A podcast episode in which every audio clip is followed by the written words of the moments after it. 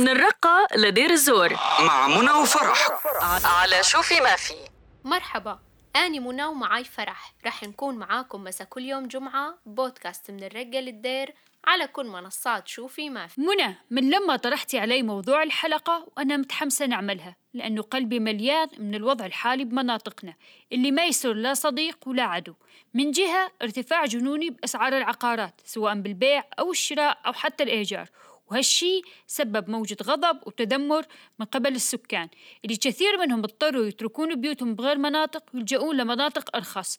طبعا أنت عملتي بحث قبل ما نعمل الحلقة. شكون طلع معاكي؟ طلع معايا يا فرح إنه الرقة والدير أكثر مناطق سوريا تضرر من حيث نسبة ونوع ومساحة الدمار.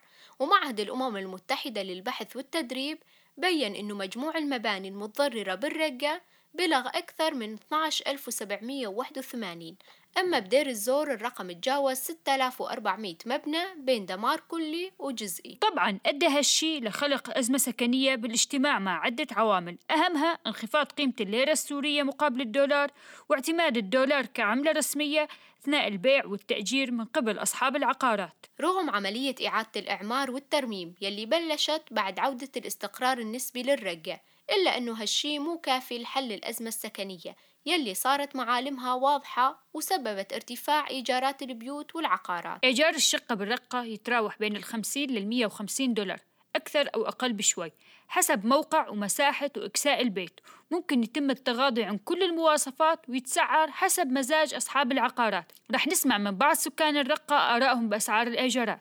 لا أنا عندي بيت مضروب وساكن عند أهلي. وصلحت جزء بسيط منه. وماديا حاليا ما في استعداد أكمل. يعني لو ما أني ساكن عند أهلي كان والله صعب جدا يعني. يعني لو أني مستأجر السفر معناته أشتغل وأحط للاجار وحق خبز بس يعني. الأجارات أول شيء أغلب البيوت في كانت سابقا في بيوت خاصة للأجار يعني. ناس هي مستغنية عنها.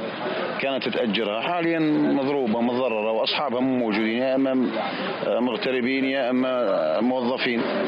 بس أقل بيت مستأجرين و50 دولار يعني ما يعادل 160 ألف. يعني هاي نص يوميته بدها تروح اجار بشكل يومي. ما انتهى عقدي. احتمال يعني أنا متوقع إنه يرفع الإيجار.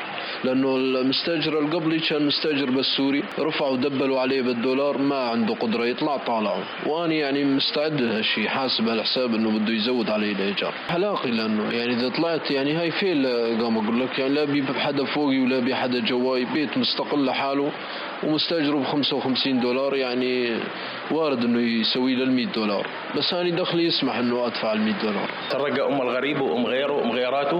ما ظل من الشيء هذا كله نهائيا معدوم. لا برحمة لا بالشفقة وحتى صارت ناس تطالب أجار بدها بالدولار. ما توفي معاها سوري. يعني لازم يكون بيحلل هالمشكله هاي لأنه الناس صارت تدفع أجار. تشيل من لقمتها مشان تدفع أجار بيتها أحسن ما تنزل بالشارع مع كل هالنشاط والإقبال على البناء الجديد أو ترميم القديم لسه أكثر من 50% من الرقة مدمرة. لسه بنسبة كبيرة من أهالي المنطقة ما أنهم قادرين يسترجعون بيوتهم يلي راحت بالحرب. بسبب التكلفة العالية المواد البناء يلي كله صار ينباع بالدولار. من ناحية ثانية الطمع والاستغلال من قبل بعض الملاك وأصحاب المكاتب العقارية هو اللي قام يزيد أزمة السكن والإيجارات وهالظاهرة ما رح تخف أو تختفي إلا إذا صار برقابة صار مع الموضوع. الحس تفتحين أي صفحة أو موقع تلاقين الكل يحكي عن ارتفاع الآجارات. على طول يا فرح بحركة النزوح وأيام اللاجئين اللبنانيين والعراقيين يصير باستغلال للسكان والوافدين. وبهالخصوص بجهات رسمية قامت تحاول تحط قوانين وتنظم قصص الآجار مثل اتحاد الأصناف بالرقة يلي باشر أعماله قبل أكثر من سنة. ونتج عنه اتحاد المكاتب العقارية المراقبة وتنظيم عمل تجارة العقارات والمكاتب. تسجيل صوتي من فراس محيسن من الرئاسة المشتركة لاتحاد الأصناف راح يجاوبنا بيه عن كل أسئلتنا. شكون هي الأحكام والشروط الواجب توافرها للتأجير والاستئجار؟ وهل يوجد قانون لتحديد سقف الأسعار بمناطق الإدارة الذاتية؟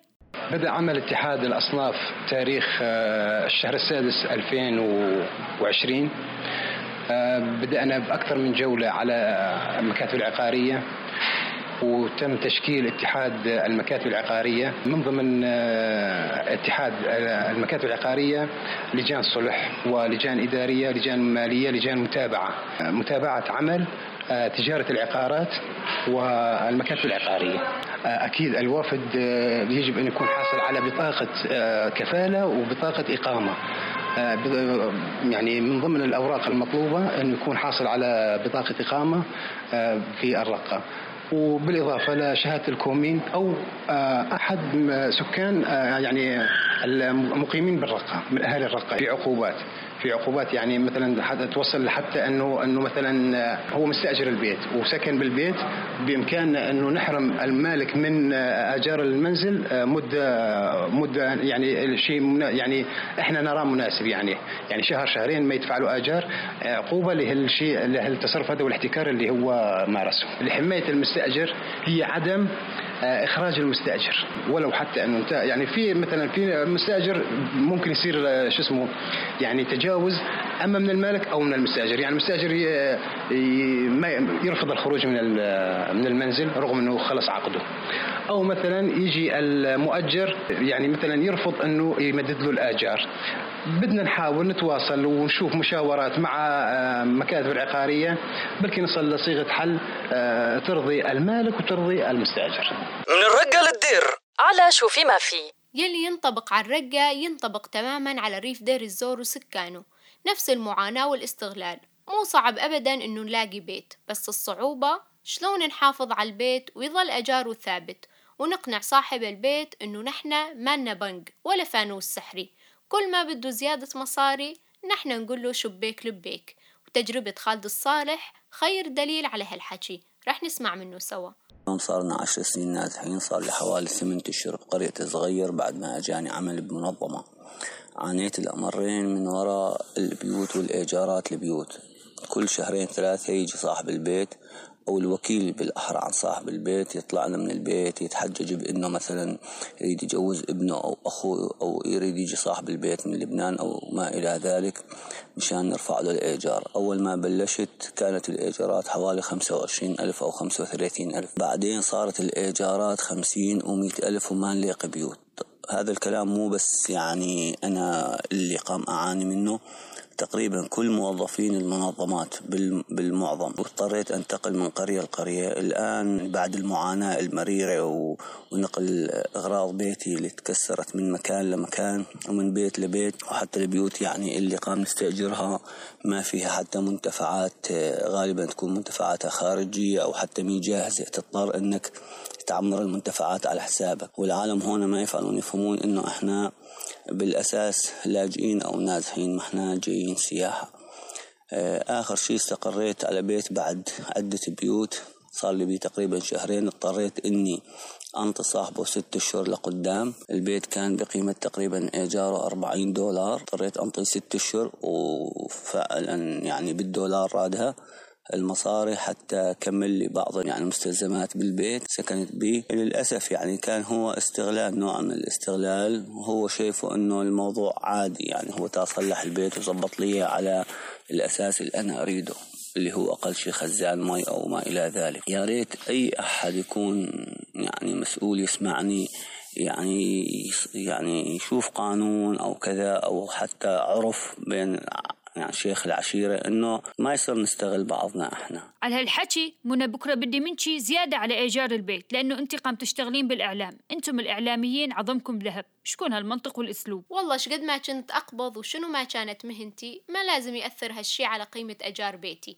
يعني بسبب هالقصص وإنه المنظمات تدفع أكثر وبالدولار زادت مشكلة الأسعار عشر أضعاف وصارت القصص صغيرة وطمع. منو يرفع أجار عقاره أكثر؟ حملات التوعية هي أهم جزء ممكن نشتغل عليه بالوقت الحالي رغم أنه تأثيرها مو مضمون خصوصا بوجود أزمة اقتصادية أرهقت الناس بالتزامن مع تفاوت كبير بالرواتب الشهرية بين العاملين بالمنظمات والعمال العاديين وموظفين المؤسسات الرسمية للإدارة الذاتية واللي هي أحد أسباب موجة غلاء الإيجارات الأخيرة. تفاصيل أكثر رح نسمعها من مناف الأسعد ناشط بالمجتمع المدني وأحد أعضاء فريق بيت المواطنة. موضوع الآجارات وارتفاع الآجارات وأسعار الآجارات بالنسبة للرقة مدينة الرقة. آه، هذا الشيء واضح للملأ والناس كثير تتأثر بموضوع الآجارات وأنه الآجار صار بالدولار ولل وللأمانة في أسباب كثيرة منها تردي الحالة المعيشية والاقتصادية اللي موجودة بالمجتمع. إضافة إلى آه، غلاء البيوت وإضافة إلى قلة الآجارات الموجودة بالإضافة إلى عدة أسباب أخرى. اللي هي قد تكون سبب من الأسباب اللي آه، تواجد الكثير من منظمات المجتمع المدني وبالتالي هي تدفع الآجار بالدولار. والشركات اللي قام تشتغل بالبلد تدفع الآجار بالدولار وبالتالي فعليا قام يروح صاحب الملك على موضوع الآجار بالدولار. إضافة إلى غلاء الترميم. يعني مثلا يعني ممكن يكون آه، الباب غالي الكهرباء شرطان الكهرباء غالية مواد التصليح غالية. فأيضا صاحب الملك آه، راح يروح على موضوع أنه بدي أجر لحتى ممكن. آه، أستوفي جزء من الشيء اللي أنا قام أحطه. إضافة إلى جشع أصحاب البيوت وجشع أصحاب المكاتب العقارية بهذا الموضوع. امانه إحنا استهدفنا الجهات الرسمية. شاركوا معنا بجزء آه، بسيط آه، ولكن شيء بسيط لا يذكر. آه، يفترض باصدار القوانين أو إصدار التشريعات اللي ممكن تساهم في عملية تحديد الآجار وعملية ترخيص الآجار. ذكرنا سابقا بأنه الحكومة تقدر تتخذ إجراءات حقيقية إجراءات حقيقية. يعني مثلا ممكن الحكومة تسوي مساكن شبابية وبالتالي المساكن الشبابية تحل جزء لا يتجزأ من موضوع الأجارات. ممكن تسوي مساكن شبابية للنازحين اللي موجودين. ممكن تسوي مخيمات حقيقية. ممكن تسوي مخيمات حقيقية مخدمة بشكل فعلي. ممكن يكون في أبنية ترممها وتسكن بها الناس النازحين اللي موجودين وبالتالي يخففوا عبء على المدينة وعلى الآجارات لأنه ابن المدينة متأثر أكثر من النازح للأمانة. هلا ابن المدينة اللي بده يتزوج وهو موظف راتبه 250 ألف وأجار البيت 350 آه، ألف. منين بده يجيب فأكيد راح تكون في مشكلة والمشكلة كبيرة. وإذا لم يتم علاجها أو محاولة علاجها راح تتفاقم ممكن تسوي مشاكل بالمستقبل. ما أدري ليش يا فرح أنا ما أقتنع بحملات التوعية ببلادنا. أحس ما بي منها نتيجة لأنه يلي مقتنع بشي ما رح يتغير. يعني أبو عادة ما يسلع عادته. على فكرة منى أتفق وما أتفق معاك بالحكي. يعني حلقتنا نوع من أنواع التوعية. لما نحاول نوصل معاناة الناس ومشاكلهم للأشخاص يلي تسببوا لهم بهالشي نحن قام نكون نساعدهم يصلحون أخطائهم. يلي ممكن يكونون مو منتبهين عليها لما آثارها السلبية على غيرهم. بالعكس أنا لما أشوف التوعية تكون صحيحة ممكن تكون نتائجها إيجابية. أحيانا يكون خيارك الوحيد للاستمرار إنه تجرب أشياء ما كانت تخطر ببالك من قبل ويمكن ما تكون راضي عنها تماما. من الخيارات مثلا إنه تأجر جزء من بيتك يلي أنت أصلا مستأجره تقدر تكمل الأجار لصاحب البيت مثل مصاير مع جود صبية من دير الزور يلي رح نسمع قصتها مع بعض. عايشين أنا وأمي وأخوي الصغير وأبوي متوفي. أنا أشتغل موظفة بمخبر عند الدكتور. وأمي تشتغل خياطة وأخوي الصغير بالمدرسة صف ثالث. بيتنا اللي مستأجرينه بالحسكة كبير ثلاث غرف وصالون وبرندة. ما غيرناه من أول ما انتقلنا بسبب الغلاء ولأنه صف آجاره قليل بالنسبة للبيوت الثانية. يعني وإحنا ثلاث أشخاص وشغلي وشغل أمي ما يوفي معانا زيادة يعني يا دوب على قدنا. من سنتين عن طريق زميلة إلي بالشغل ساعدتني كثير بكومة شغلات وعرفتني على وحدة طالبة جامعة بس ساكنة بالقرية. يعني من وقت الامتحانات تجي وإحنا بيتنا كبير فاقترحت علي إنها تصير تجي علينا بشهر الامتحانات بس بس إنه تدفع لنا مبلغ مادي صغير. يعني مثل كأنه أجرناها نحنا غرفة هي كذي يعني. بالبداية أمي خافت وما قبلت عارضت إنه أول شي مشان صاحب البيت وإذا عرف ممكن ما يقبل وهالسوالف هاي. ولأنها ما كانت تعرف البنية حتى يعني البنية غريبة غريبة عنا ما تقرب لنا ولا شي ما نعرفها. وأني بصراحة يعني عاجبتني الفكرة كانت. فأقنعت أمي وقبلت بعدين وقلت لها إنه ما نعلم أحد بس يجي علينا حدا تقول إنه جايتنا زيارة هاي وحدة قرايبتنا وجايتنا زيارة. إذا شي مرة إجا علينا صاحب البيت نقول له هاي وحدة زايرتنا يعني يومين وتروح. يعني ما بيننا وبين البنية لا عقد ولا شي كل شي على الثقة. ومنه هالمبلغ اللي تعطينا إياه البنية يعيننا ولو شوي. والله وبعدين أمي وافقت إنه يعني بس تجي هالبنية شهر الامتحانات وهالامتحانات تكون شهرين بكل السنة.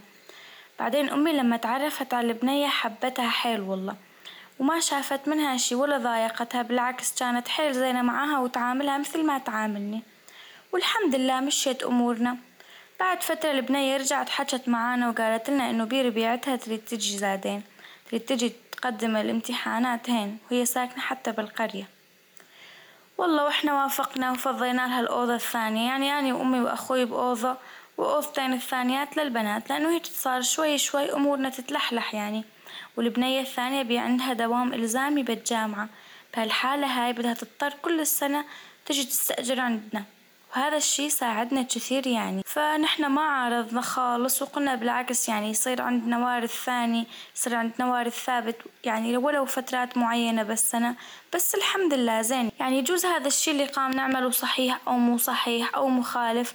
بس إحنا ما قام نسكن عيال ولا شباب. هم هالبنيتين وبحيل أوادم ومربايات ولا بعمرهم زعجونا بشي بالعكس قعدتهم فادتنا كثير وساعدتنا كثير خصوصي إحنا ظروفنا سيئة. والحياة حيل غالية صايرة وكل ما زالها تصير أصعب وأغلى. كل يوم يجي قام يكون أصعب وأقسى من اللي يروح. الناس بكل الشرائح تخوض باليوم ألف معركة تقدر تأمن مستلزمات الحياة المصاريف اليومية الالتزامات الأسبوعية الإيجارات الشهرية. يلي ما بي منها لا مفر ولا مخلص. مشان هيك لازم نكون أرحم ببعضنا. نحس ونقدر ظروف الغير. نحاول قدر الإمكان ما نستغل حاجة حدا السقف وبيت يحميه الغلاء صاير على الكل. وانخفاض سعر الصرف مأثر على الفقير بشكل رئيسي. يعني رفع آجار بيتك أو محلك ما رح يغنيك بس ممكن يفقر غيرك. خلصنا حكي اليوم وراح نودعكم على أمل يكون بكرة أفضل. تقدرون تلاقون وتسمعون كل حلقات بودكاست من الرقة للدير على منصات شوفي ما في المرئية والصوتية فيسبوك و SoundCloud آرائكم واقتراحاتكم تهمنا. لهيك اكتبوا لنا أو ابعثوا لنا رسائل صوتية على الواتساب على الرقم 0967 3535 80 إذا كان عندكم أي موضوع حابين تحجون عنه تواصلوا مع منى وفرح وابعثوا لهم مسج على رقم واتساب 0967 3535 80 شوفي ما في.